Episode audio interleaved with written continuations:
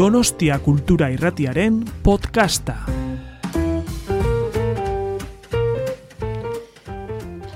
Hola, buenas, buenas tardes a todos. Por, gracias por venir, gracias por vuestra asistencia, gracias al Centro Ernest Lluch, a Poesía al Día, a Carlos Marzal por acompañarnos esta tarde.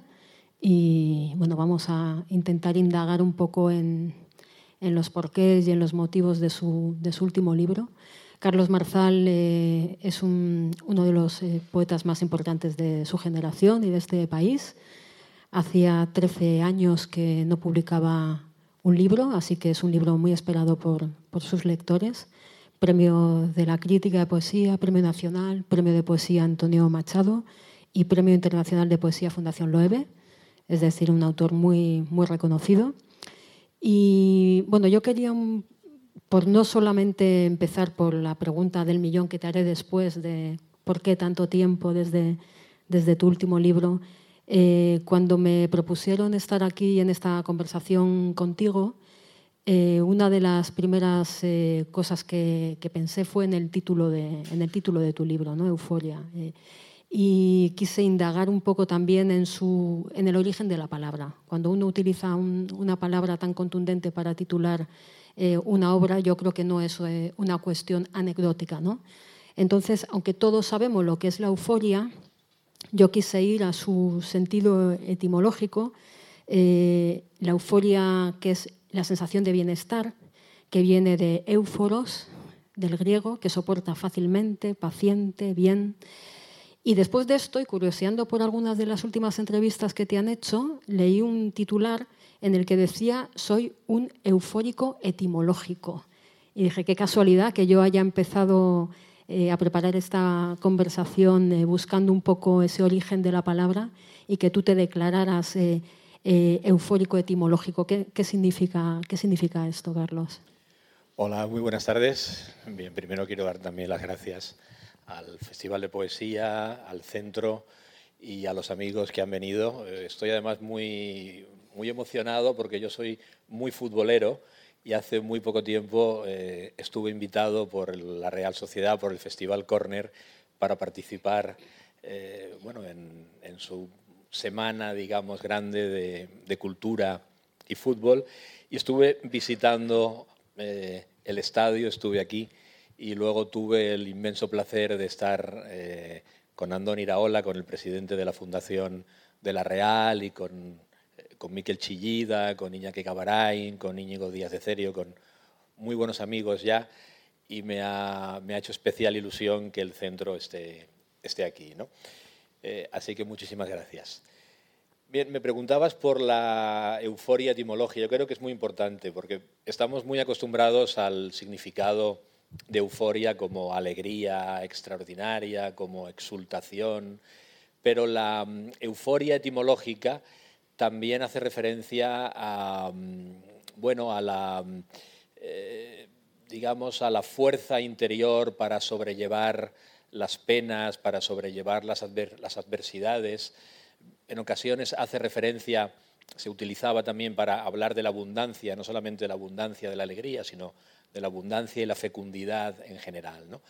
Entonces, en el libro yo creo que hay euforia más común, euforia como alegría y exaltación, pero también euforia como capacidad de resistencia, como capacidad eh, de sufrir eh, los reveses del, del destino. Yo creo que todos los poetas cantamos y lloramos, todos los poetas celebran la, la existencia, pero también la llora. ¿eh? Hay quien dice que solamente hay dos tipos de poetas, los eh, elegíacos, los que lloran la, la existencia, y los hímnicos, los que la celebran.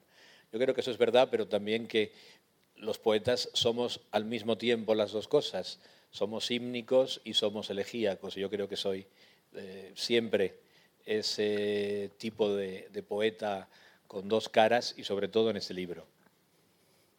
Eh, no sé si el hecho de... Es cierto, ¿eh? yo eh, creo que están las dos caras en este libro, ¿no? aunque el título, el título haga referencia a la, a la euforia. ¿no? También pensaba en la disforia, que es el, el antónimo de, de, la euforia y que también está presente en algunos, en algunos de tus poemas, ¿no? se cuela un poquito. Pero no sé si en esta sociedad últimamente es políticamente incorrecto eh, hablar de la felicidad, del optimismo, de la capacidad de, soportar la adversidad, o si vende más eh, lo negativo, ¿no? un poco la épica de la derrota, del fracaso, del ensimismamiento eh, en cuanto al, propio drama. la, no, no, lo sé, pienso que es atrevido que un libro apele tanto de forma tan directa a ese optimismo, ¿no? a esa capacidad de soportar en esa sociedad. Yo tampoco estoy seguro, no sé si, si vende más o si está más de moda el derrotismo que el optimismo.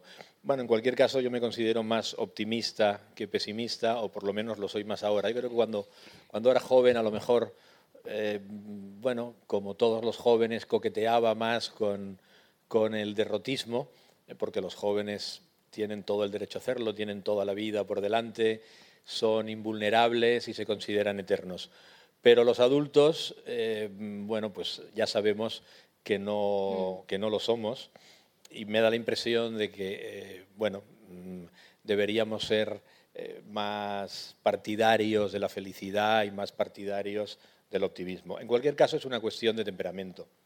Me da la mm. impresión de que, bueno, hay poetas que tienden a la melancolía por naturaleza, que tienden a la derrota o a la exaltación del, fracaso y otros que tendemos más hacia, la, eh, como he dicho antes, eh, no sé si la palabra es optimismo, pero por lo menos hacia una mirada agradecida con respecto a, la realidad, con respecto al mundo. Yo digo en, uno de los poemas que soy un buen huésped del mundo, porque mm. bueno, he tenido la suerte de, de tener una vida que es infinitamente mejor que la que corresponde a, millones y millones y millones de personas en el mundo y a millones y millones de las personas que ya han pasado por el mundo. Entonces creo que es una razón suficiente como para ser eh, criaturas agradecidas. Mm. El primer eh, poema, el poema de apertura, yo creo que es súper importante eh, la elección del poema de apertura, que no sé si coincide en el caso de este libro. No sé si es el primer eh, poema que escribiste del libro o no. si no, supongo, ¿no? Eh, yo creo que es importantísimo porque es casi una declaración de, intenciones, ¿no? Es lo que sirve de lanzadera para, para el resto, de, para el resto del libro, ¿no? Y el hecho de que sea este poema que se titula eh, Romero, a mí me parece que es súper super, super acertado porque es un poema que atraviesa a través de esa fragancia del del romero en las manos todas las épocas. Y no me refiero tanto al tiempo como concepto, sino al paso del tiempo en nuestras propias carnes, ¿no? niñez, infancia, adolescencia, madurez, vejez, eh, niveles que están presentes en, todo el libro ¿no? y que en un poema que es tan, tan atemporal eh, consiguen atrapar eh, tantísimo, tantísimo el tiempo. ¿Qué importancia tienen las etapas, la edad, más que las etapas eh, en este libro, porque sí que siento que eh, están muy compartimentados algunos poemas eh, y son como viñetas de distintas etapas de la vida y que el tiempo aparece más como algo vinculado a la edad, cómo pasamos nosotros por el tiempo en cada edad, que el paso del tiempo en, general. ¿no? He, visto una presencia especialmente fuerte en tu libro de estas edades. Bueno, me gusta mucho todo lo que me preguntas y cómo lo estás leyendo, ¿no? Bien, para empezar, yo creo mm, profundamente que es muy importante la disposición de un libro. Sí. Eh, uno de mis grandes maestros ha sido Francisco Brines, el, gran poeta valenciano, eh, un gran poeta y un gran amigo. Y me dio un consejo que no he olvidado nunca sobre la disposición de los libros. Me dijo, procura que eh, los libros empiecen y terminen con los poemas que más te gusten o con poemas que consideres que son muy importantes. Y procura también abrir y cerrar las secciones y divides el libro en secciones con poemas poderosos, con poemas eh, que tú consideres que son de los, de los mejores del libro. Es un consejo que no he olvidado nunca y procuro, en la medida de lo posible y siempre teniendo en cuenta que son los que a mí me parecen de esa forma, no obligatoriamente los que al lector le tienen que parecer, pero procuro hacerlo de esa manera. Entonces es un, el primer poema que se titula Romero ¿eh? y que luego leeré. Eh, bueno, sí que es una, mm, eh, una puerta de entrada, una, una manera de, invitar al, lector a adentrarse en el, en el, conjunto de los poemas. ¿no? Porque hablo de lo que nunca muere, hablo de lo eterno y hablo de los, de los clásicos. Hay una asociación extraña entre el, olor del romero como algo intemporal, como algo que siempre está ahí, y eso me, fuerza a, pensar en, los clásicos, en los clásicos en general, los clásicos de la literatura, pero también los clásicos de la escultura o los clásicos de la pintura o los clásicos de la música, como algo que permanece siempre, como algo a lo que podemos recurrir, a lo que debemos eh, asistir eh, para encontrar bueno, eh, un mundo más, más intenso, más, más emocionante. Y como dice Iciar, es muy importante eh, nuestro paso por el tiempo, las edades. no tanto el paso del tiempo como fenómeno que nos va bueno, transformando, nos va también destruyendo, como se ha dicho tantas veces, sino cómo bueno, vamos habitando en las, distintas edades. Todo eso se hace, desde luego, desde la conciencia adulta. Eh, bueno, yo ya no, puedo recordar exactamente quién era y cómo era cuando era un niño, quién era y cómo era cuando era un adolescente, un joven, sino que lo hago eh, desde mi edad. Pero procuro, eh, bueno, transportarme hasta, hasta ese momento, hacer memoria, porque la memoria es un elemento fundamental de la literatura, y tratar de dibujar lo que creo que pretendo a lo largo de todo el libro, que es un retrato moral. Yo creo que la literatura es siempre profundamente autobiográfica, todo es autobiográfica, autobiográfico. He dedicado un poema a la lista de la compra, que me parece una, una tarea enormemente autobiográfica y que también es literatura. Y eh, creo, como digo, que el, bueno, la labor de un, escritor es, eh, en definitiva, dibujar un, retrato del individuo que escribe en él. ¿no? no somos enteramente nuestros libros, no somos enteramente la literatura, pero bueno, una, parte interesante de lo que somos seguro que está depositado en lo que hacemos y en este caso en el libro de poemas. Has mencionado un poema que es La, lista de la compra y, tenía una pregunta sobre, sobre este poema. ¿no? Hay una eh, presencia eh, muy fuerte del amor en este libro, sobre todo en la, en la recta final, ¿no? en la cuarta parte sí que de pronto tiene eh, una solidez y es súper determinante. ¿no? Y me gusta mucho la idea del amor como algo más ligado a lo cotidiano, a las rutinas. Eh, contra esa idea del amor más sublimada, ¿no? Eh, a la que estamos acostumbrados a lo mejor eh, en la poesía. ¿no? Y hay muchos de esos poemas a lo largo de este, de este libro. Es, a medida que cumplimos años, el amor pequeño, digamos, es el amor que, que de verdad más, más nos puede sublimar. Bien, en mi caso me da la impresión de que lo he tenido claro y lo he pensado de esa manera desde el principio. ¿no? Yo, mm, digamos que las emociones las asocio a, asuntos concretos. Yo necesito lo real, necesito lo tangible para, para emocionarme. Y bueno, yo creo que la tarea de un poeta también está en situar una lupa, una lente de, aumento sobre las pequeñas cosas, que nunca son pequeñas, porque mm. nuestra vida está hecha precisamente de la suma de, aspectos pequeños, es decir, lo extraordinario, lo fuera de lugar, eh, los acontecimientos eh, maravillosos, esos si suceden alguna vez, suceden muy de vez en cuando. Mm. Lo normal en una vida es la acumulación de pequeños milagros, la suma de, bueno, mm, de diminutos acontecimientos que son los que constituyen nuestra vida. Entonces, eh, yo creo que los poetas debemos cantar ese tipo de cosas. Yo trato de cantar en muchas ocasiones lo, pequeño. Aquí he cantado la lista de la compra, pero he cantado también a un viejo balón de fútbol o a, una, a la llama de una, de una vela de aroma que se mece en el aire. ¿no? Em, yo creo que todo lo verdaderamente importante tiene que ver con la intimidad y tiene que ver con, con lo, que, bueno, con lo que nos acerca al corazón. ¿no? Em, y el amor yo creo que, bueno, por supuesto, no solamente es el gran tema de la poesía o uno de los, de los grandes temas, sino que es lo que, lo que de verdad eh, conforma las vidas felices.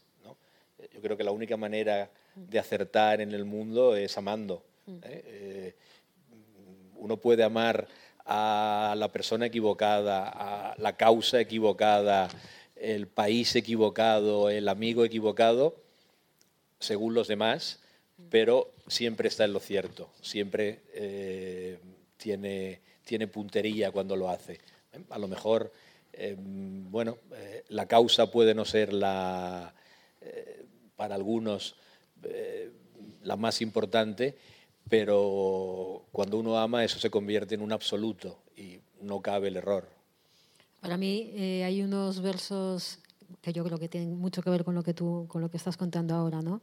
En cordialidad, en ese poema que a mí me parece fascinante, que dice, prospero cada vez que he acomodado la mano en el lugar del corazón y el corazón en el lugar del mundo. ¿no? Eh, yo creo que cuando amamos acertamos aunque nos equivoquemos eh, y que, bueno, que simplemente si nos equivocamos es una, una experiencia más, pero que yo creo que eh, piensas que el mundo iría un poquito mejor, o la vida de cada uno de nosotros, si pensáramos más con el corazón que con la cabeza de vez en cuando? Bueno, yo creo que hay que combinar mucho las dos cosas, corazón y cabeza. Uno no ha de dejarse, me refiero, digamos, a la vida civil, ¿eh? no, no, ha de dejarse llevar solamente por el corazón, porque el corazón también conduce a, errores y a enormidades, ni tampoco solo por la razón, que también sabemos que produce monstruos. ¿no? Mm yo creo profundamente en el equilibrio y en, la capacidad del ser humano para, poner en la balanza cosas distintas que terminen por, llevarlo por el, camino adecuado. Pero la cordialidad, tal y como has dicho, me parece que es importantísima. ¿eh? Mm. Cordialidad también en el sentido etimológico, de cor, cordis, corazón. Siempre he dicho que me interesa la literatura cordial en ese sentido. ¿eh? Lo que lo que yo busco detrás de un libro es ver a un individuo, ver, eh, aunque, la, aunque la literatura son palabras, es una urdimbre verbal, la buena literatura nos hace olvidar que estamos leyendo palabras y creemos que estamos en presencia del mundo real, estamos en presencia de, eh, de individuos de carne y hueso que mm, de verdad están viviendo lo que nos dicen que está ocurriendo aunque luego sepamos que son fábulas, que son invenciones. Entonces, esa idea de, la emoción estética a través de las palabras resulta, bueno, para mí lo más importante. Yo quiero ver, eh, como digo, individuos, busco en las novelas esos personajes que, eh, a los que uno quisiera conocer, de los que se haría amigo sin duda o enemigo, ¿eh? esos malvados, odiosos que mm, bueno, parecen existir siempre y que parecen ponerse de pie en cuanto uno abre las páginas de una gran novela. Y lo mismo con la poesía. Yo, yo quiero ver a un individuo detrás, quiero, quiero saber mm, qué piensa del mundo, quiero saber eh, cuáles son las ciudades que visita, por qué, eh, qué come, qué sueña, eh, qué lee, a quién ama. Y eso, bueno, yo creo que en los grandes poetas está, está siempre presente. En la vida has comentado lo del equilibrio entre corazón y, cabeza, ¿no? En la escritura, cuando tú cómo afrontas la escritura de un poema, eh, con más corazón que cabeza, con más cabeza de corazón, empiezas con el corazón y acabas con la cabeza. Tengo mucha curiosidad por, por saber cuál es la, la, dinámica. Bueno, yo creo profundamente en la frialdad del escritor. Eh, el escritor ha de ser un profesional, eh, no sé si un oficinista pero me da la impresión de que, de que lo que tiene que hacer es eh, tener eh, la cabeza fría, los pies calientes, como se suele decir, que es un sinónimo de buena salud, y luego eh, dejar correr la imaginación, abrir el corazón y volverse todo lo loco que uno quiera, pero a través del control. No hay cosa que más cabeza y frialdad, inteligencia requiera que la locura literaria, el, el surrealismo eh, cuando es bueno, lo que, lo que necesita y lo que, y lo que requiere es muchísimo control de la inteligencia. Eh, yo creo que eso es eh, fundamental, creo profundamente en el oficio. Además, soy bastante enemigo de los mitos románticos. La idea del, aunque el romanticismo tiene maravillas y tiene bueno, grandes genios por todo el mundo, en la literatura española menos. Yo creo que hay eh, pocos poetas importantes. A mí, salvo, salvo Becker y Rosalía, eh, no me entusiasman mucho otros poetas. Eh, pero bueno, en la literatura europea hay grandes autores que pertenecen al, romanticismo, pero el mito que se ha generado en torno a, a la literatura y en torno al escritor a través del romanticismo me parece un poco fraudulento, o por lo menos a mí, desde mi temperamento, no me termina de convencer la idea del, escritor, del artista como un ser singular, eh, apasionado, que permanentemente necesita verter sus lágrimas en el mundo y que está a punto de desmayarse por hiperestesia ante la, contemplación de la belleza me parece un poco, como digo, eh, artificial y artificioso. ¿no? Y tampoco me gusta otra herencia romántica que es la herencia malditista. Eh, me parece que es un, mito un poco infantil, ¿no? para, para jóvenes eh, fácilmente exaltables y fácilmente emocionables.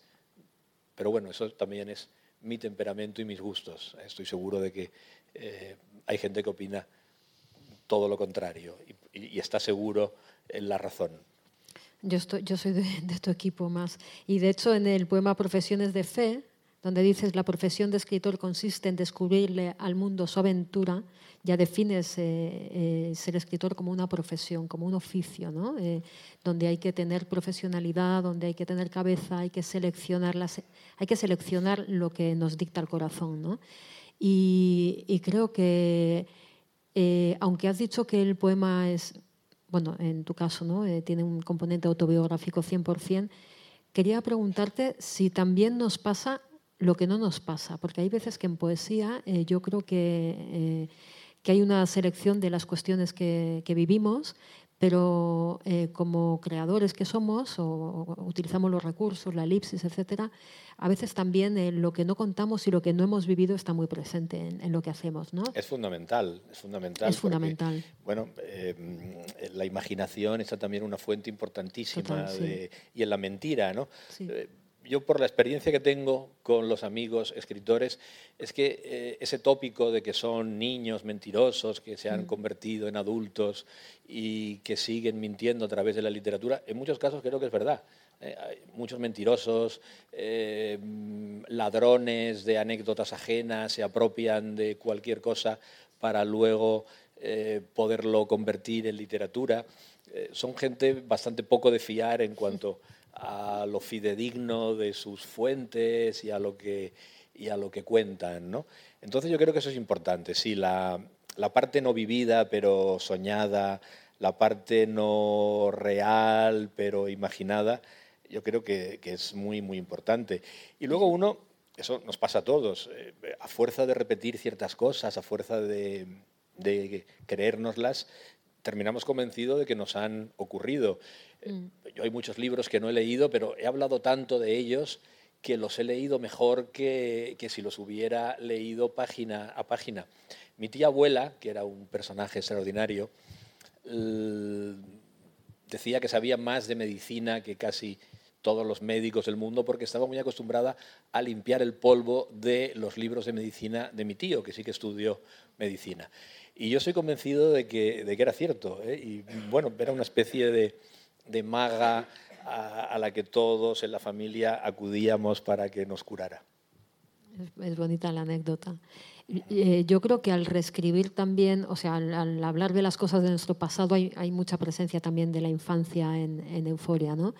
también hacemos una selección de, nuestros recuerdos y nos vamos reescribiendo, ¿no? O sea, por eso hay también una labor de ficción en, la labor del, poeta que es, eh, es, innegable, ¿no? No podemos decir que, que todo lo que escribimos los poetas ha sucedido estrictamente así, porque creo que la labor del poeta también es seleccionar la información y reelaborarla en nuestro recuerdo, ¿no? Y también, de alguna manera, eh, que yo eh, pienso que tú lo haces porque, porque eres muy cercano al lector, eh, hacerlo de tal manera que no deje fuera al lector, ¿no? Eh, porque hay algunos poetas que a mí me sucede que los leo y digo, bien, está muy bien, ¿no? pero no, no, no, no, me, no, no me hablan a mí, no, no siento que, que tengo sitio ahí. ¿no? Eh, ¿Piensas en el lector cuando escribes? ¿En algún momento tienes la conciencia de que eso va a algún sitio y abres los márgenes y haces más flexible tu poesía para que se pueda adaptar a, otros, a otras sensibilidades, a otras personas? me alegra mucho que lo veas así, que lo leas de esa mm. forma, porque la verdad es que mi intención es esa.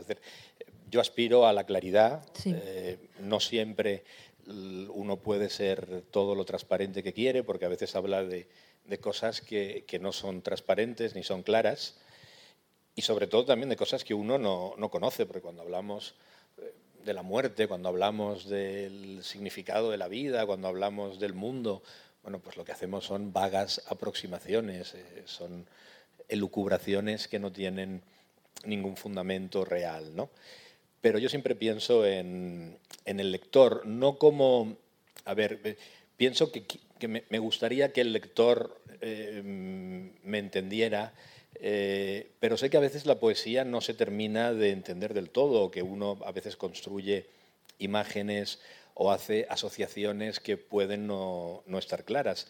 Pero creo que eso no, es determinante. Es decir, eh, yo como lector muchas veces siento eh, que hay cosas que se me escapan en los poemas, pero que tienen, que tienen eh, un significado también permitiendo que se escapen. Es decir, que hay cosas que deben quedar entre la niebla en, en algún momento. Eso también tiene su misterio. ¿no? Como he dicho, no sabemos exactamente qué es el mundo, qué es la realidad, qué es la vida, eh, pero no dejamos de amar, de querer eh, la realidad, la vida. Y nos pasa con, los, con las personas que queremos. ¿Quién entiende del todo a su mujer, a su marido, a sus hijos, a sus padres? Bueno, y seguimos queriéndolos y amándolos. ¿no? Entonces, me da la impresión de que, de que, mm, bueno, si en ocasiones algo queda eh, digamos, en esa niebla del significado, pues tampoco pasa nada. Pero mi aspiración es, como lector, a entender lo que leo y como escritor, a que, por supuesto, el lector me entienda. Sí que pienso en, el lector, que me parece que no es nada, eh, digamos, eh, que menoscabe la opinión de, que uno puede tener sobre el escritor Pensar en el lector es, bueno, tener una vocación de comunicación. Una vocación de, comprensión, de entendimiento. Aunque sé que hay partidarios de la oscuridad. ¿no?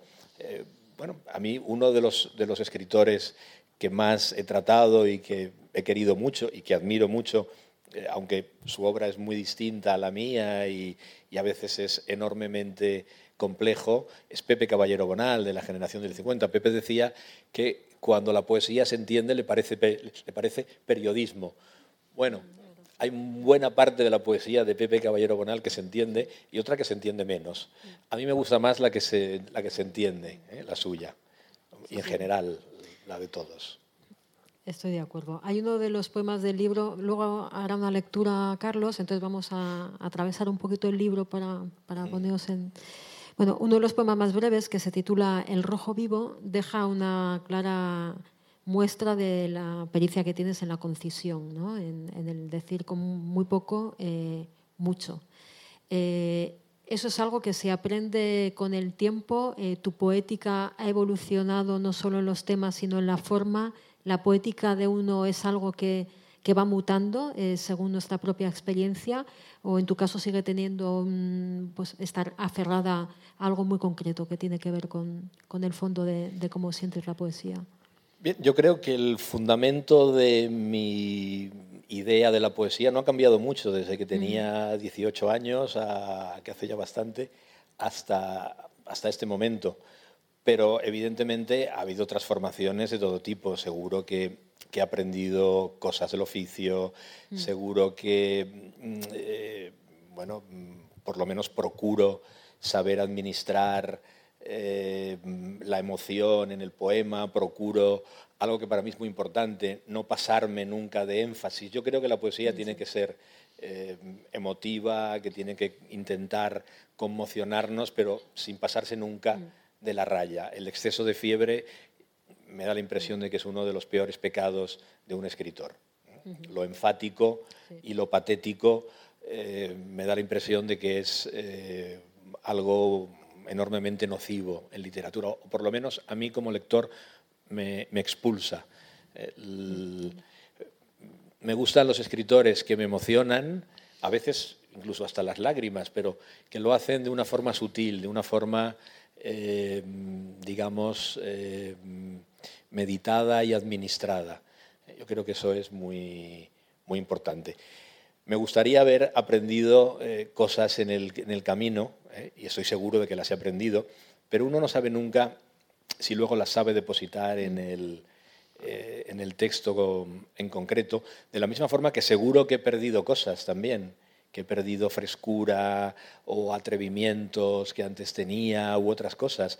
Hay veces, y eso no, estoy seguro de que nos pasa a todos, estoy seguro de que te pasa a ti, cuando uno lee un texto de hace 30 años y descubre torpezas, descubre mm, cosas que ahora no diría de ninguna de las maneras, pero también descubre cosas que no sabe que, tenía y que, y que eh, siente que no podría volver a, a recuperar. ¿eh? Son destrezas, digamos, o por lo menos eh, habilidades en el, en el texto que uno no recuerda haber tenido nunca y que no sabe cómo ha, cómo ha podido hacer, pero nos pasa, nos pasa igual con todo, ¿no? con las fotos. De repente descubrimos unas fotos y decimos, pero ¿cómo es posible que yo me pusiera estos pantalones y llevara estos pelos? Y no recuerdo haber estado en esta ciudad eh, y, sí, y ahí dice que, que, estuve, está el nombre de la ciudad o por lo menos está esa torre tan famosa o ese castillo y, uno no, no, recuerda haber estado allí. Bueno, pues con la poesía, con la escritura creo que, que sucede algo, algo parecido. Eh, hay en el libro una presencia también mm, muy fuerte de la, de la muerte, ¿no? y además eh, en algunos poemas eh, está personificada en, en, escritores que, que, hemos perdido hace poquito, pues como mm. está Almudena Grandes, Fernando Marías, Francisco Brines. ¿no? Eh, me gusta mucho la forma en que retratas la muerte en Euforia, porque tengo la sensación de que en ningún momento, ni siquiera cuando hablas de la muerte de estas personas queridas, eh, dejas del todo que la, que la sombra apague, apague un poco esa, esa luz. ¿no? Eh, aunque hay un momento en el que dices, cuando aunas un poco las pérdidas, que no van a volver a estar aquí y que, no, y, que somos conscientes de eso, ¿no? y que por mucho que hagas poesía, poesía anémica, creo que, que lo llamas, ¿no? Eh, ellos no van a volver, ¿no? Es, ahí se escapa un poquito esa tristeza, pero eh, los poemas dedicados a ellos eh, son de una luz espectacular que, que, está alumbrada también por esa euforia, ¿no? por esa capacidad de resistencia a la adversidad que, que también atraviesa todo el libro, ¿no? Eh, pero hay una presencia muy fuerte de, la muerte en términos poco dramáticos, que, me gusta mucho y que me gustaría saber si es premeditado o si es una forma, eh, la forma tuya de, sentir la muerte. Bueno, mm, vuelvo a, decirte que me encanta cómo, cómo has leído el, libro, porque mi, voluntad o mi intención era, era esa. En el libro hay algunos homenajes, hay siete u ocho poemas a lo mejor menos, dedicados a, amigos, escritores que han, que han, muerto recientemente. Está Joan Margarit, está Francisco Brines, está Miguel Ángel Velasco, el poeta de mi generación, eh, está Fernando Marías, está Almudena Grandes, César Simón, que es un poeta valenciano que yo mm, admiro muchísimo, fue un gran amigo, fue profesor mío en la universidad y luego eh, amigo y maestro. Es un poeta muy poco conocido, pero yo creo que es uno de los grandes poetas del, del 50, además de ser un individuo muy, muy especial. Bien, mm, y, yo creo que no se puede hacer un homenaje a un amigo que ha, que ha muerto eh, sin una cierta forma de, de, exaltación. Primero porque para mí, bueno, no, no termino de, de, aceptar que se hayan ido, o por lo menos hago como que no, que no lo han hecho. Para mí están de viaje y cualquier día eh, les podré llamar por teléfono o me llamarán por teléfono y la cosa seguirá como, como ha sido siempre. ¿no? Eh, la muerte es el contrapunto de la vida, eso lo sabemos todos, ¿no? y es, se ha dicho tantas veces, pero es que es verdad, es así, es, es, lo que da valor y es lo que, lo que eh, bueno, sirve para, para que coloquemos en, en la balanza eh, las dos fuerzas. Entonces yo en el poema trato de no dejarme llevar nunca por, por los excesos del énfasis, por los excesos del, patetismo, ni por los excesos de la negrura. Eh, me da la impresión que, bueno, un cierto estoicismo de espíritu, eh, eh, corriente filosófica que me interesa mucho y que también por mi, por mi temperamento, bueno, me, siento cercano a ella.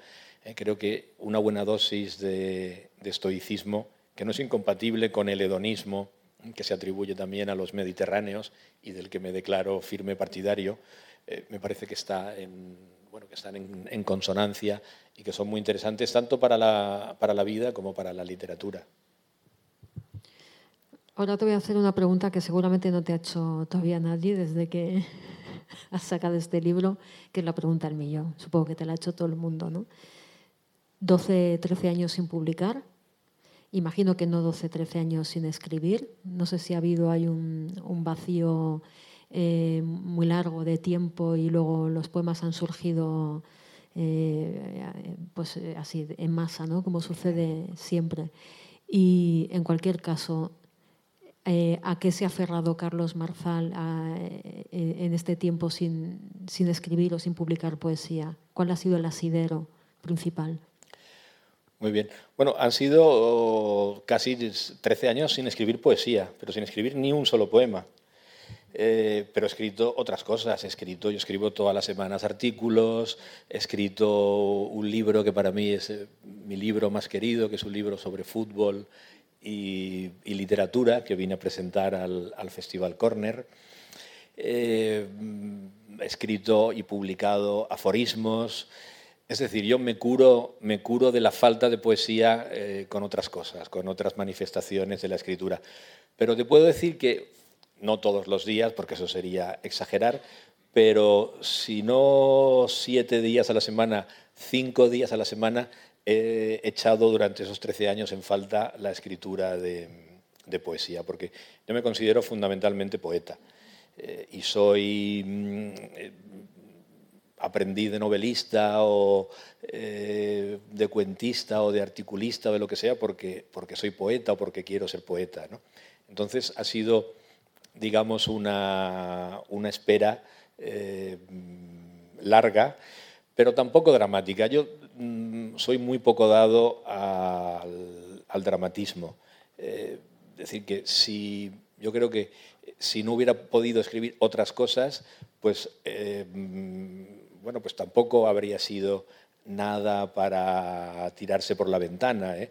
Eh, me gustan tantas cosas y disfruto de, mundos tan diversos dentro del mundo que, bueno, eh, para mí la literatura es fundamental, es, bueno, una de las pasiones de, mi vida, pero no es la única pasión ni es la única razón de, mi existencia. a mí las declaraciones tan exageradas, eh, bueno, me, parecen a veces un poco fuera de lugar. ¿no?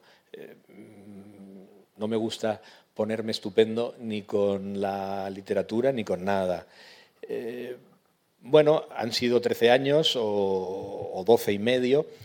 hasta que conseguí alcanzar un clima. A ver, yo no sé muy bien por qué no he escrito. ¿eh? Eh, y la única explicación es la que se da siempre y que creo que es real, y es que la poesía se escribe cuando ella quiere. Eh, y es una, una, evidencia. Yo puedo escribir un artículo todas las semanas, debo escribir un artículo todas las semanas porque tengo una colaboración en el diario Levante de Valencia, me pagan por eso, soy un profesional y soy además muy obediente y procuro ser muy riguroso y trabajar eh, cuando se debe puedo escribir unas palabras o unas páginas del, ensayo que tenga entre manos o de la novela que quiero llevar adelante, pero no puedo escribir un, poema solo con oficio, ni solo con la idea, ni solo con la voluntad. Se necesita un poco todo eso, un cierto clima sentimental, un cierto clima del espíritu, y eso por lo que fuera no lo, no lo conseguí. Luego también se produce la costumbre, es como todo en la vida, ¿no? Eh, si uno tiene el hábito, eh, tiene más o menos el clima y tiene el hábito de un determinado trabajo, bueno, pues más tarde o más temprano a lo mejor puede, puede conseguirlo, puede ir creando, pero como digo, en, mi caso ha sido siempre muy, muy difícil. Y hace eh, cosa de unos dos años, bueno, un día me senté eh, tuve una idea, escribí un poema y después de escribir ese poema escribí otro. Eh, había días en que escribía tres, eh, pasaron a lo mejor semanas sin escribir ninguno y poco a poco fui con ese ritmo, digamos, de mayor creación hasta que, hasta que conseguí bueno, reunir el número de poemas, que son muchos, es con diferencia mi libro más, más extenso. No suele ser tan eh, no suelen ser tan grandes los libros de, poemas. Mi querido amigo Felipe Benítez Reyes me ha dicho, has publicado tus segundas obras completas. ¿eh? Y algo de eso tiene, sí. Que además están en tus kits, ¿no? Eh, vamos a decirlo para que la gente lo sepa, lo sepa también. Bueno, yo como lectora, desde luego agradezco que el material que, que nos has entregado en este libro sea eh, poesía de verdad en el sentido de que uno no tiene que escribir poesía cuando la poesía no acude, ¿no? Eh, porque se puede tirar de oficio, pero también sucede que luego los libros que surgen de ahí pues no, no llegan tantísimo, ¿no? como, como es este caso. A mí me ha emocionado mucho tu libro y he visto que había una, una, grandísima, una grandísima verdad. No sé si el hecho de que eh, hayas estado tanto tiempo sin publicar poesía y que se haya vendido como el, el regreso, prácticamente el acontecimiento poético del año. ¿no? Eh, yo creo que es el acontecimiento poético del año. No sé si carga demasiado sobre tus hombros una especie de responsabilidad que, que, duro. No, para nada. Yo nunca he sentido la más mínima responsabilidad con respecto a lo que había escrito antes, con respecto a los lectores. No sé si es por temperamento, pero no Primero porque creo que, eh, bueno, he hecho lo que he podido, eh, no creo haber hecho nada excepcional, entonces tampoco, tampoco existe esa, esa responsabilidad. Mm. ¿eh? Y eso también me ha dado una, una, libertad grande a la hora de escribir, ¿no? Y para hacer lo que, lo que quería y para hacer lo que en cada momento me ha apetecido.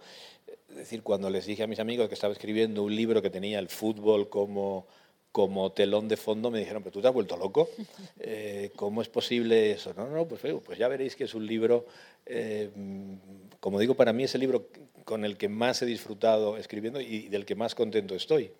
Es un libro que creo que, que tiene el fútbol como, bueno, como eh, horizonte, pero es un libro sobre todas las cosas del, del mundo, como si dijéramos. Es una bueno, enciclopedia sentimental. Entonces, eh, ya te digo, no he sentido nunca ningún peso especial ni por lo que he hecho, ni por lo que estoy haciendo, ni por lo que venga en el, en el futuro. Eso es, una, eso es una suerte para los lectores porque lo que, lo que conseguimos es una persona completamente libre que escribe lo que quiere en cada momento y que encima no siente esa responsabilidad. O sea que Ese es el, el propósito. Luego están los resultados, bueno, porque eso también me gusta mucho matizarlo. Todos los escritores tenemos buenas intenciones. Nadie quiere ser un escritor mediocre y nadie quiere ser un mal escritor. Todos aspiramos a ser grandes escritores. Me parece que esa es la ambición tolerable eh, que debe tener un escritor. Es decir, bueno, estar a la altura de la idea que él tiene de la literatura, de la alta literatura. ¿eh? Bueno, todos tenemos por, por, maestros a los más grandes. ¿eh? Todos. Quien, si uno quiere ser poeta y no ha leído a Shakespeare y no ha leído a Quevedo y no ha leído a Pessoa y tal, pues mal va. Tiene que, tiene que leerlos. Ahora bien, otra cosa es eh, que luego bueno, nuestras capacidades, nuestros resultados nos colocan donde, donde nos toca y no estamos a la altura ni de Pessoa, ni de Quevedo, ni de Shakespeare. Pero, bueno, me da la impresión de que eh, tener esa, ese sueño y esa ambición es positivo. Sí, yo creo que hay que ser ambicioso respecto a nuestros referentes y tanto que sí. Bueno, em, yo creo que ahora que hemos hablado bastante del libro, eh, a mí me encantaría. Muchísimo. Muchísimo. Bueno, y aquí falta mucho, mucho todavía por hablar porque da para muchísimo eh, lo que has hecho. A mí me encantaría, y imagino que al público también, escucharte leer algunos, pues sí, Voy a, voy a leer algunos poemas porque siempre que uno habla de literatura y de, y de poesía, parece que dé por supuesto que lo que dice lo ha conseguido o está dentro de los poemas. Y eso lo, tiene que juzgar siempre el, lector. ¿eh? A mí me gusta decir que todos los escritores somos culpables mientras no se demuestre lo contrario. ¿eh? Eh, aquí no es como en la justicia y en la, y en la vida real del derecho, sucede al contrario. Bien, Iciar ha hablado al, al comienzo. Muchísimas gracias, Iciar, por la, por la presentación, entrevista que me ha parecido extraordinaria. Muchas gracias a ti, Carlos.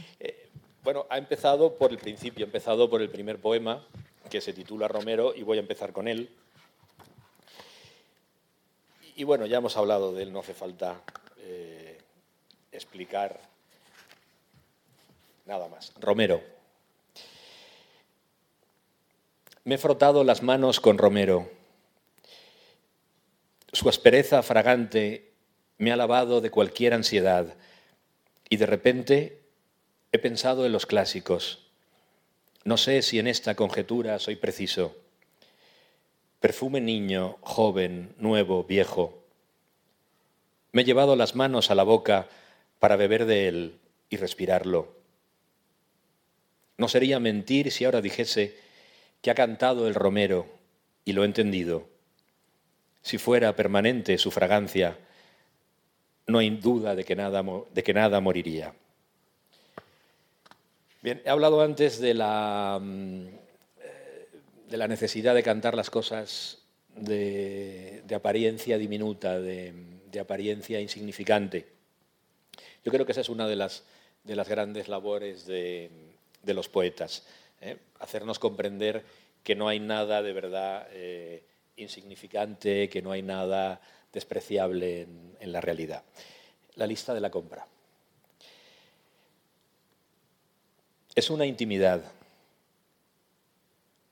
Me parece más honda que todo el repertorio de esas intimidades con más reputación. Se trata de un sistema para que militemos con fe entre la abundancia. Lo que mis hijos quieren, aquello que consagra el apetito, nuestro brindis al sol de cada día, la fruta, las verduras, el aceite, la carne y el pescado, para que no olvidemos que hay muerte y sacrificio a cada instante. Esta lista es el método mediante el que me opongo a la desgracia. Un gesto reflexivo, una oración que reza a la materia y al espíritu. Muchos actos de amor no lo parecen. Bien, he dicho que mm, estuve hace poco mm, invitado por mis amigos de La Real en el Festival Corner y yo quiero agradecerle a Andoni Iraola muy especialmente que haya venido aquí a, eh, estar con nosotros. Y le quiero dedicar la lectura de este poema, que es también un poema futbolero, y que se titula Viejo balón de fútbol. Y que en este momento no sé en qué página está, pero lo voy a encontrar enseguida.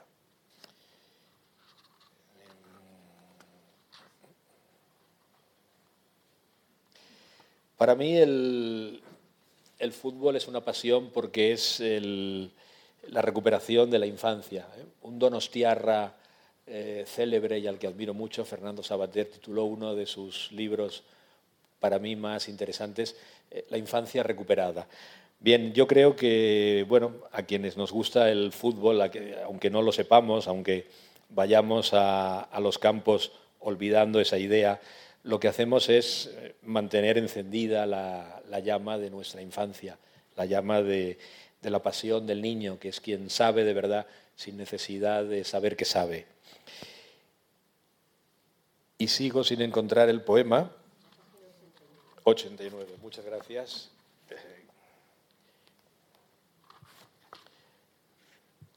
Bien, viejo balón de fútbol.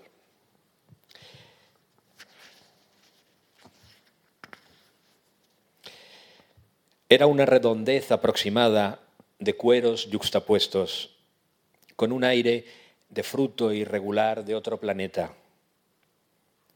Más que rodar, lo suyo consistía en mostrarse adepto al brinco, en mitad de la calle, en un jardín o en el profuso patio del colegio. Asomaba el balón y era bastante. El fanático fiel de la alegría Nadie se preguntaba por la felicidad. En eso consistía ser su dueño. A la infancia le sagran las rodillas, el labio amoratado. ¿Y qué más daba? No ha terminado aún aquel partido. Chutaré ese balón después de muerto.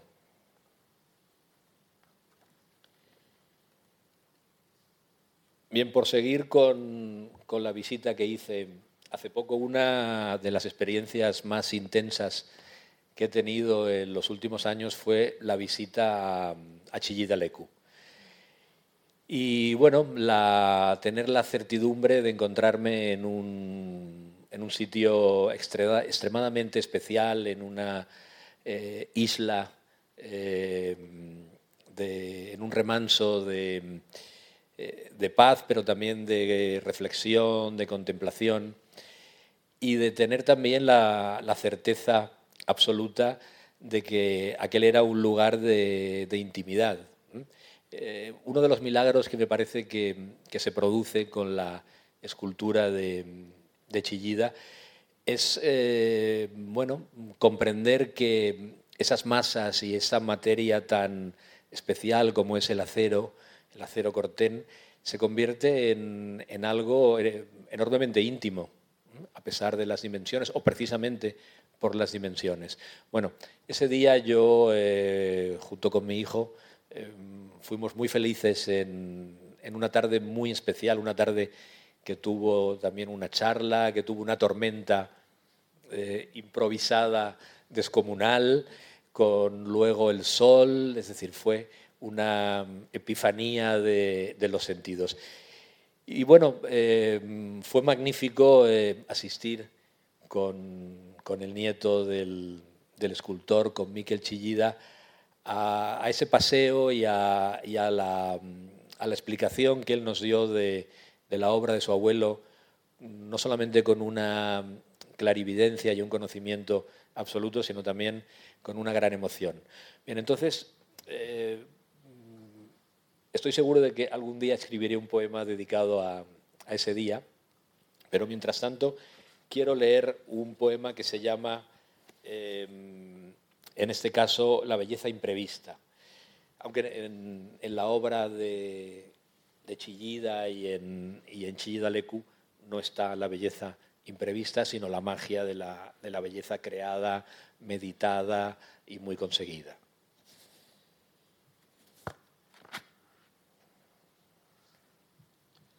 Bien, es un poema también que está en el aire de, la lista de la compra, es decir, de, tratar de descubrir la belleza allí donde se encuentre. La belleza imprevista.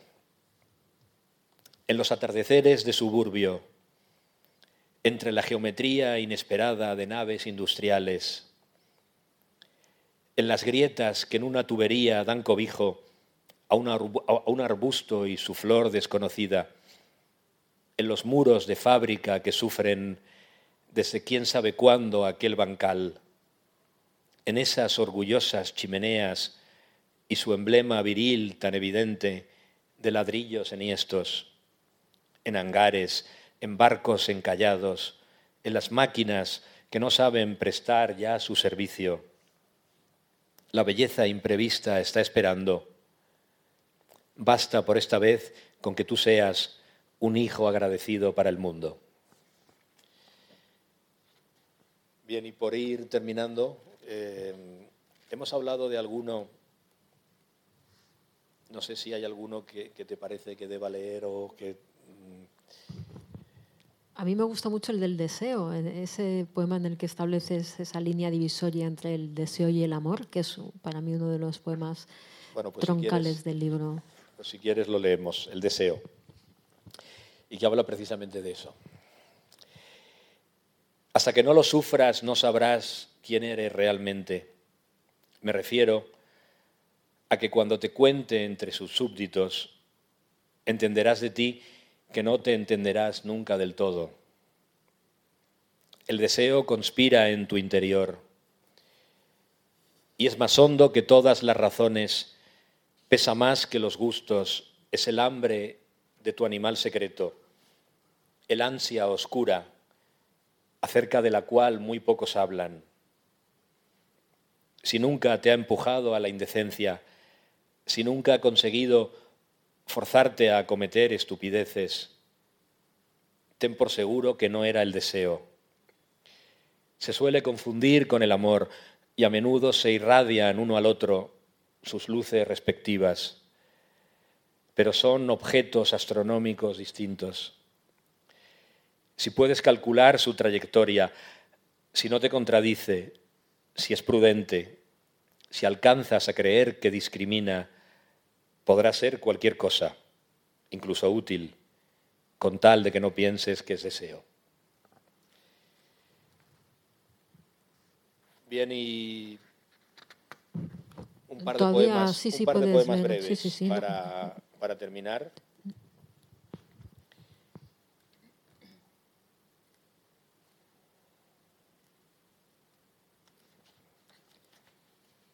ver si lo encuentro.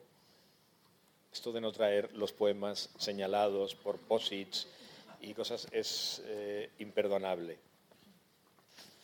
Bueno, un poema muy, muy breve, eh, que habla sobre la voz. La voz es, yo creo, lo que menos envejece de, nosotros.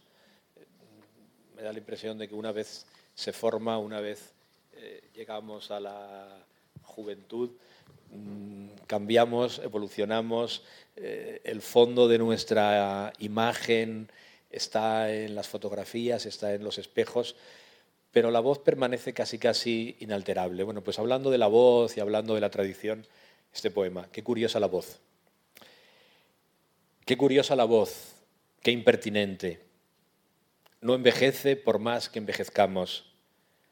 Alguien dentro de ti repite en vano eres el mismo, cántalo de siempre.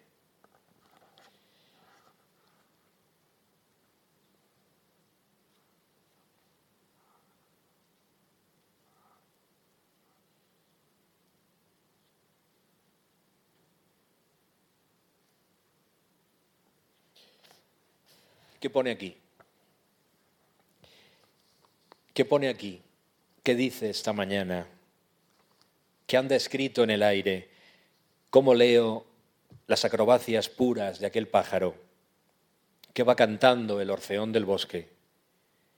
Hay lenguas más allá de nuestra lengua e intento, como puedo, ser su intérprete. Bien, y ya para terminar, y esta vez de verdad, eh, voy a leer el último poema del libro que se titula La muerte y los leones.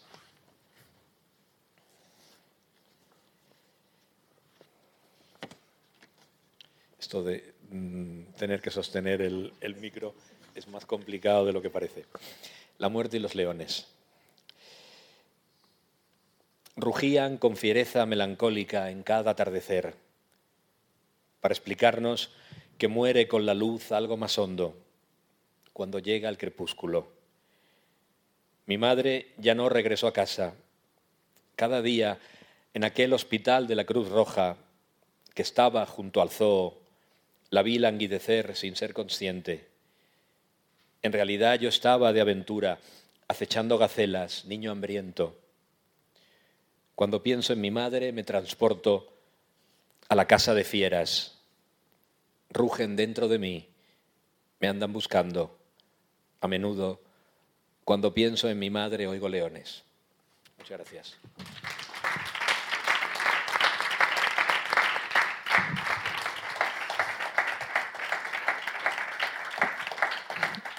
No, me atrevía a pedirte que leyeras el último poema porque hay veces que, claro, eh, no, sé si es cosa de, cada uno, ¿no? Eh, pero cuando yo leí este poema me quedé literalmente temblando y dije, bueno, ¿y ahora qué hago? Ya se ha acabado y volví a empezar el libro, porque es un, libro que, cuando acaba vuelve a empezar, ¿no? Te dan ganas de, de iniciar de nuevo.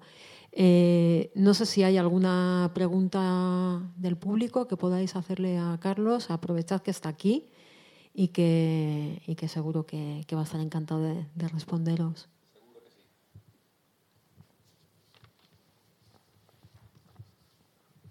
Mucha gente tímida por aquí. Bueno, eh, no sé. Ah. Espera un poquito que vienen con el, que vienen con el micro, sí. Bueno, eh, gracias Carlos, la verdad, por, tu charla, lo primero. Y yo lo que te quería preguntar es, eh, cuando hablabas de, que de alguna manera había una, un, equilibrio ¿no? entre el corazón, entre la cabeza y cómo al escribir eh, hablabas de esa profesión, yo lo que te quería preguntar, o casi compartir, ¿no? es, es si esa pelea contra la razón es algo similar a tratar de, evadirse de la belleza a la hora de escribir. Si es algo, es, por, ver si lo he entendido bien o por lo menos es así como lo he percibido yo y, quería que lo explicases un poquito más. Bueno, la idea es que eh, me da la impresión de que en toda creación artística eh, uno debe combinar eh, las dos cosas, debe combinar el oficio, debe combinar lo profesional debe combinar casi casi de una manera mm, matérica o de una manera manual. yo soy un torpe absoluto con las manos, pero siempre que escribo tengo la sensación de estar eh, moldeando las palabras. la, idea, la idea de que el, lenguaje es algo plástico, algo maleable, moldeable, algo como un barro, como un acero, como eh, el aceite que los pintores utilizan eh, cuando pintan al, óleo. ¿no? Eh, se ha de combinar eso también con la, con la frialdad, con la inteligencia, con, con la discriminación. A la hora de, escribir, yo creo que es tan importante lo que uno quiere hacer como lo que sabe que no quiere hacer y tan importante el camino hacia donde va como lo que piensa que no debe permitirse jamás. Eh, eh, escribir al fin, y al, fin, y al, cabo es seleccionar, elegir palabras y descartar otras. Eh, hay palabras que yo nunca introduciría en un, en un, poema. En mi poema no puede haber oropéndolas, ni puede haber... que en otros poemas me parece que están muy bien encajadas. ¿no? bueno, a mí también me gusta la poesía modernista y me gustan eh, me gusta lo, verbal. Mi libro lo encabeza una cita de Rubén Darío. ¿eh? Rubén eh, para mí es un poeta extraordinario con todo tipo de poemas, poemas más decorativos y poemas más profundos, poemas más verbalistas y poemas más intensos. Yo creo que el artista, como has dicho, sí que tiene que ponerse a resguardo de la belleza cuando persigue la belleza. ha de ha de saberse aislar, ha de, de mantener una cierta distancia, precisamente porque lo que persigue es eso. Es, más difícil de explicar siempre y de teorizar, eh, aunque todavía es más difícil conseguirlo, ¿no? Pero es, eh, difícil, digamos, formular, poner eh, claramente algo que uno, bueno, persigue, pero también lo persigue, como he dicho antes, con respecto a otras cosas, entre nubes.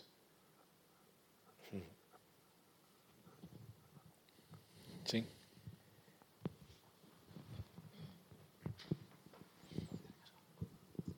Bueno, antes de nada, gracias por eh, haber venido y haber traído a Itziar también, que es un placer. Eh, sobre todo tenerte por, bueno, eh, por, el bagaje, por el bagaje que, que tienes y, y, bueno, si cualquiera que te haya seguido un poco y haya visto tu, tu recorrido, pues bueno, sabe que la de años que, que, llevas y lo que has conseguido y, y nada, antes de, de nada, pues darte las gracias. Yo también soy muy tímido, creo que se me nota, lo paso bastante mal cuando que hablar con el micrófono y me iba a quedar callado. Pero bueno, eh, después de tantos años en los que no has escrito, ya has dicho que, que, no has estado callado, que has seguido escribiendo otras cosas, pero has tenido una temporada de bueno, un, un, largo silencio poético, por decirlo de alguna manera. Y eso me ha hecho pensar también en el silencio. Eh, luego te he escuchado leer y además o sea, me han entrado más ganas de, de hacerte esta, esta pregunta. Eh, no me acuerdo quién era el poeta o el filósofo, o ambos, seguramente, poeta y filósofo, que decía que la, que la poesía estaba justo, o que la, que la, poesía surgía justo en el momento en el que el texto se terminaba, en la cesura o en el silencio, en la pausa. Y me gustaría preguntarte, a ver cómo trabajas tú eh, justo ese aspecto de, de, la poesía, porque me ha llamado la atención también cómo leías tus, tus poemas y cómo eh, hacías esas pausas? Bueno, si te soy sincero, eh, soy poco dado al misticismo del silencio que existe en, en, buena parte de ciertas corrientes de la poesía, del minimalismo.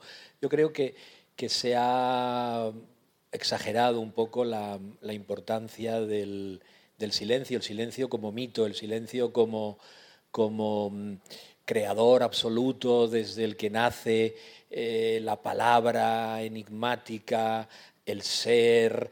Yo creo que se ha hecho mucha literatura al respecto. Eh, hay buena literatura, ¿eh? no es lo mismo Heidegger que algunos poetas supuestamente del, del, silencio. Yo soy más parlanchín, yo soy más de hablar, yo soy más de entender la poesía como comunicación más amigo de, del diálogo, más amigo de la canción. Yo creo que el deber del, poeta es cantar, cantar con justeza, cantar sin exageraciones, pero cantar. ¿no? Eh, hay muy buenos poetas del, silencio. Tengo amigos que, han ido evolucionando hacia esa poesía, hacia, la mística del, silencio. Pero mm, digamos que yo como lector y por mi carácter, por mi temperamento, hay veces en que me quedo fuera. Me quedo fuera. Eh, Valente hizo una exaltación eh, al final de su obra sobre el silencio. Eh, a mí me gusta más la obra del, primer Valente. Eh, hay muy buenos poetas, como digo, pero yo prefiero la, la canción o, o prefiero, me, me, interesa más esa, esa idea, ¿no?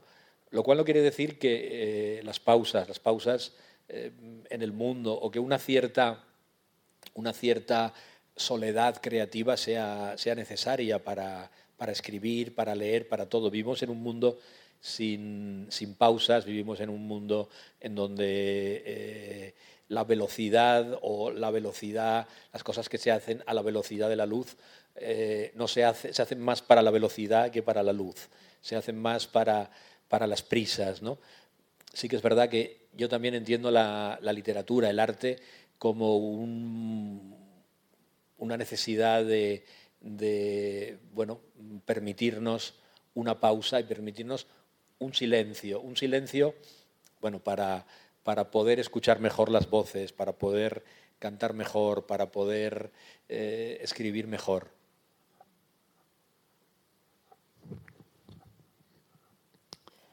Bueno, pues si no hay eh, más preguntas, eh, dar las gracias de nuevo a...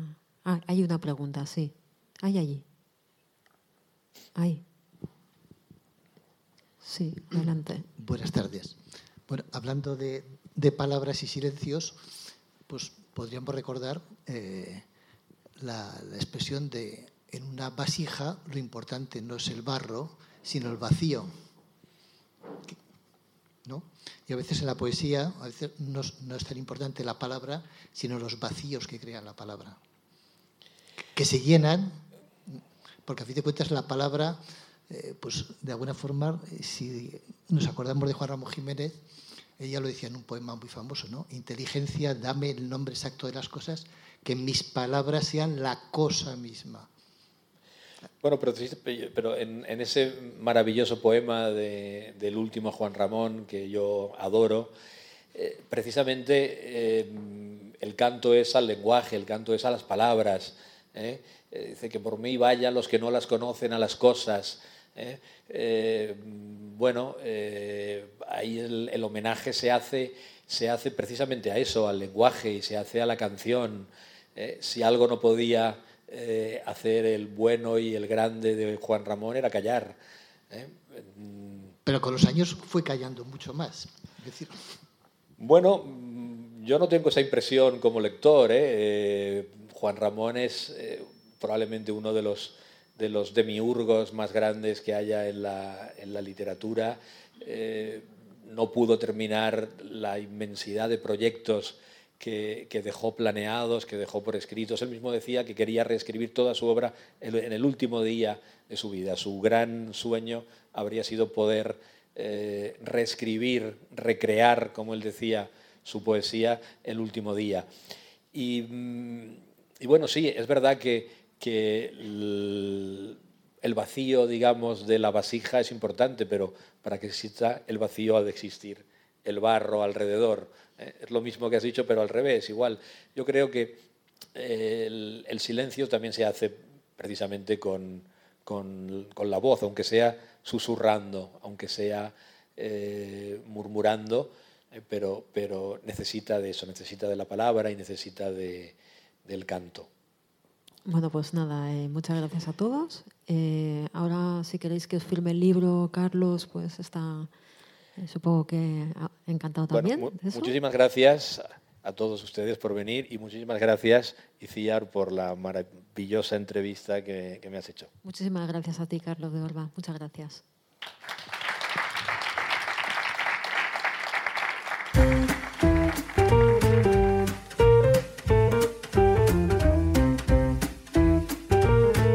Donostia Kultura Irratiaren podcasta.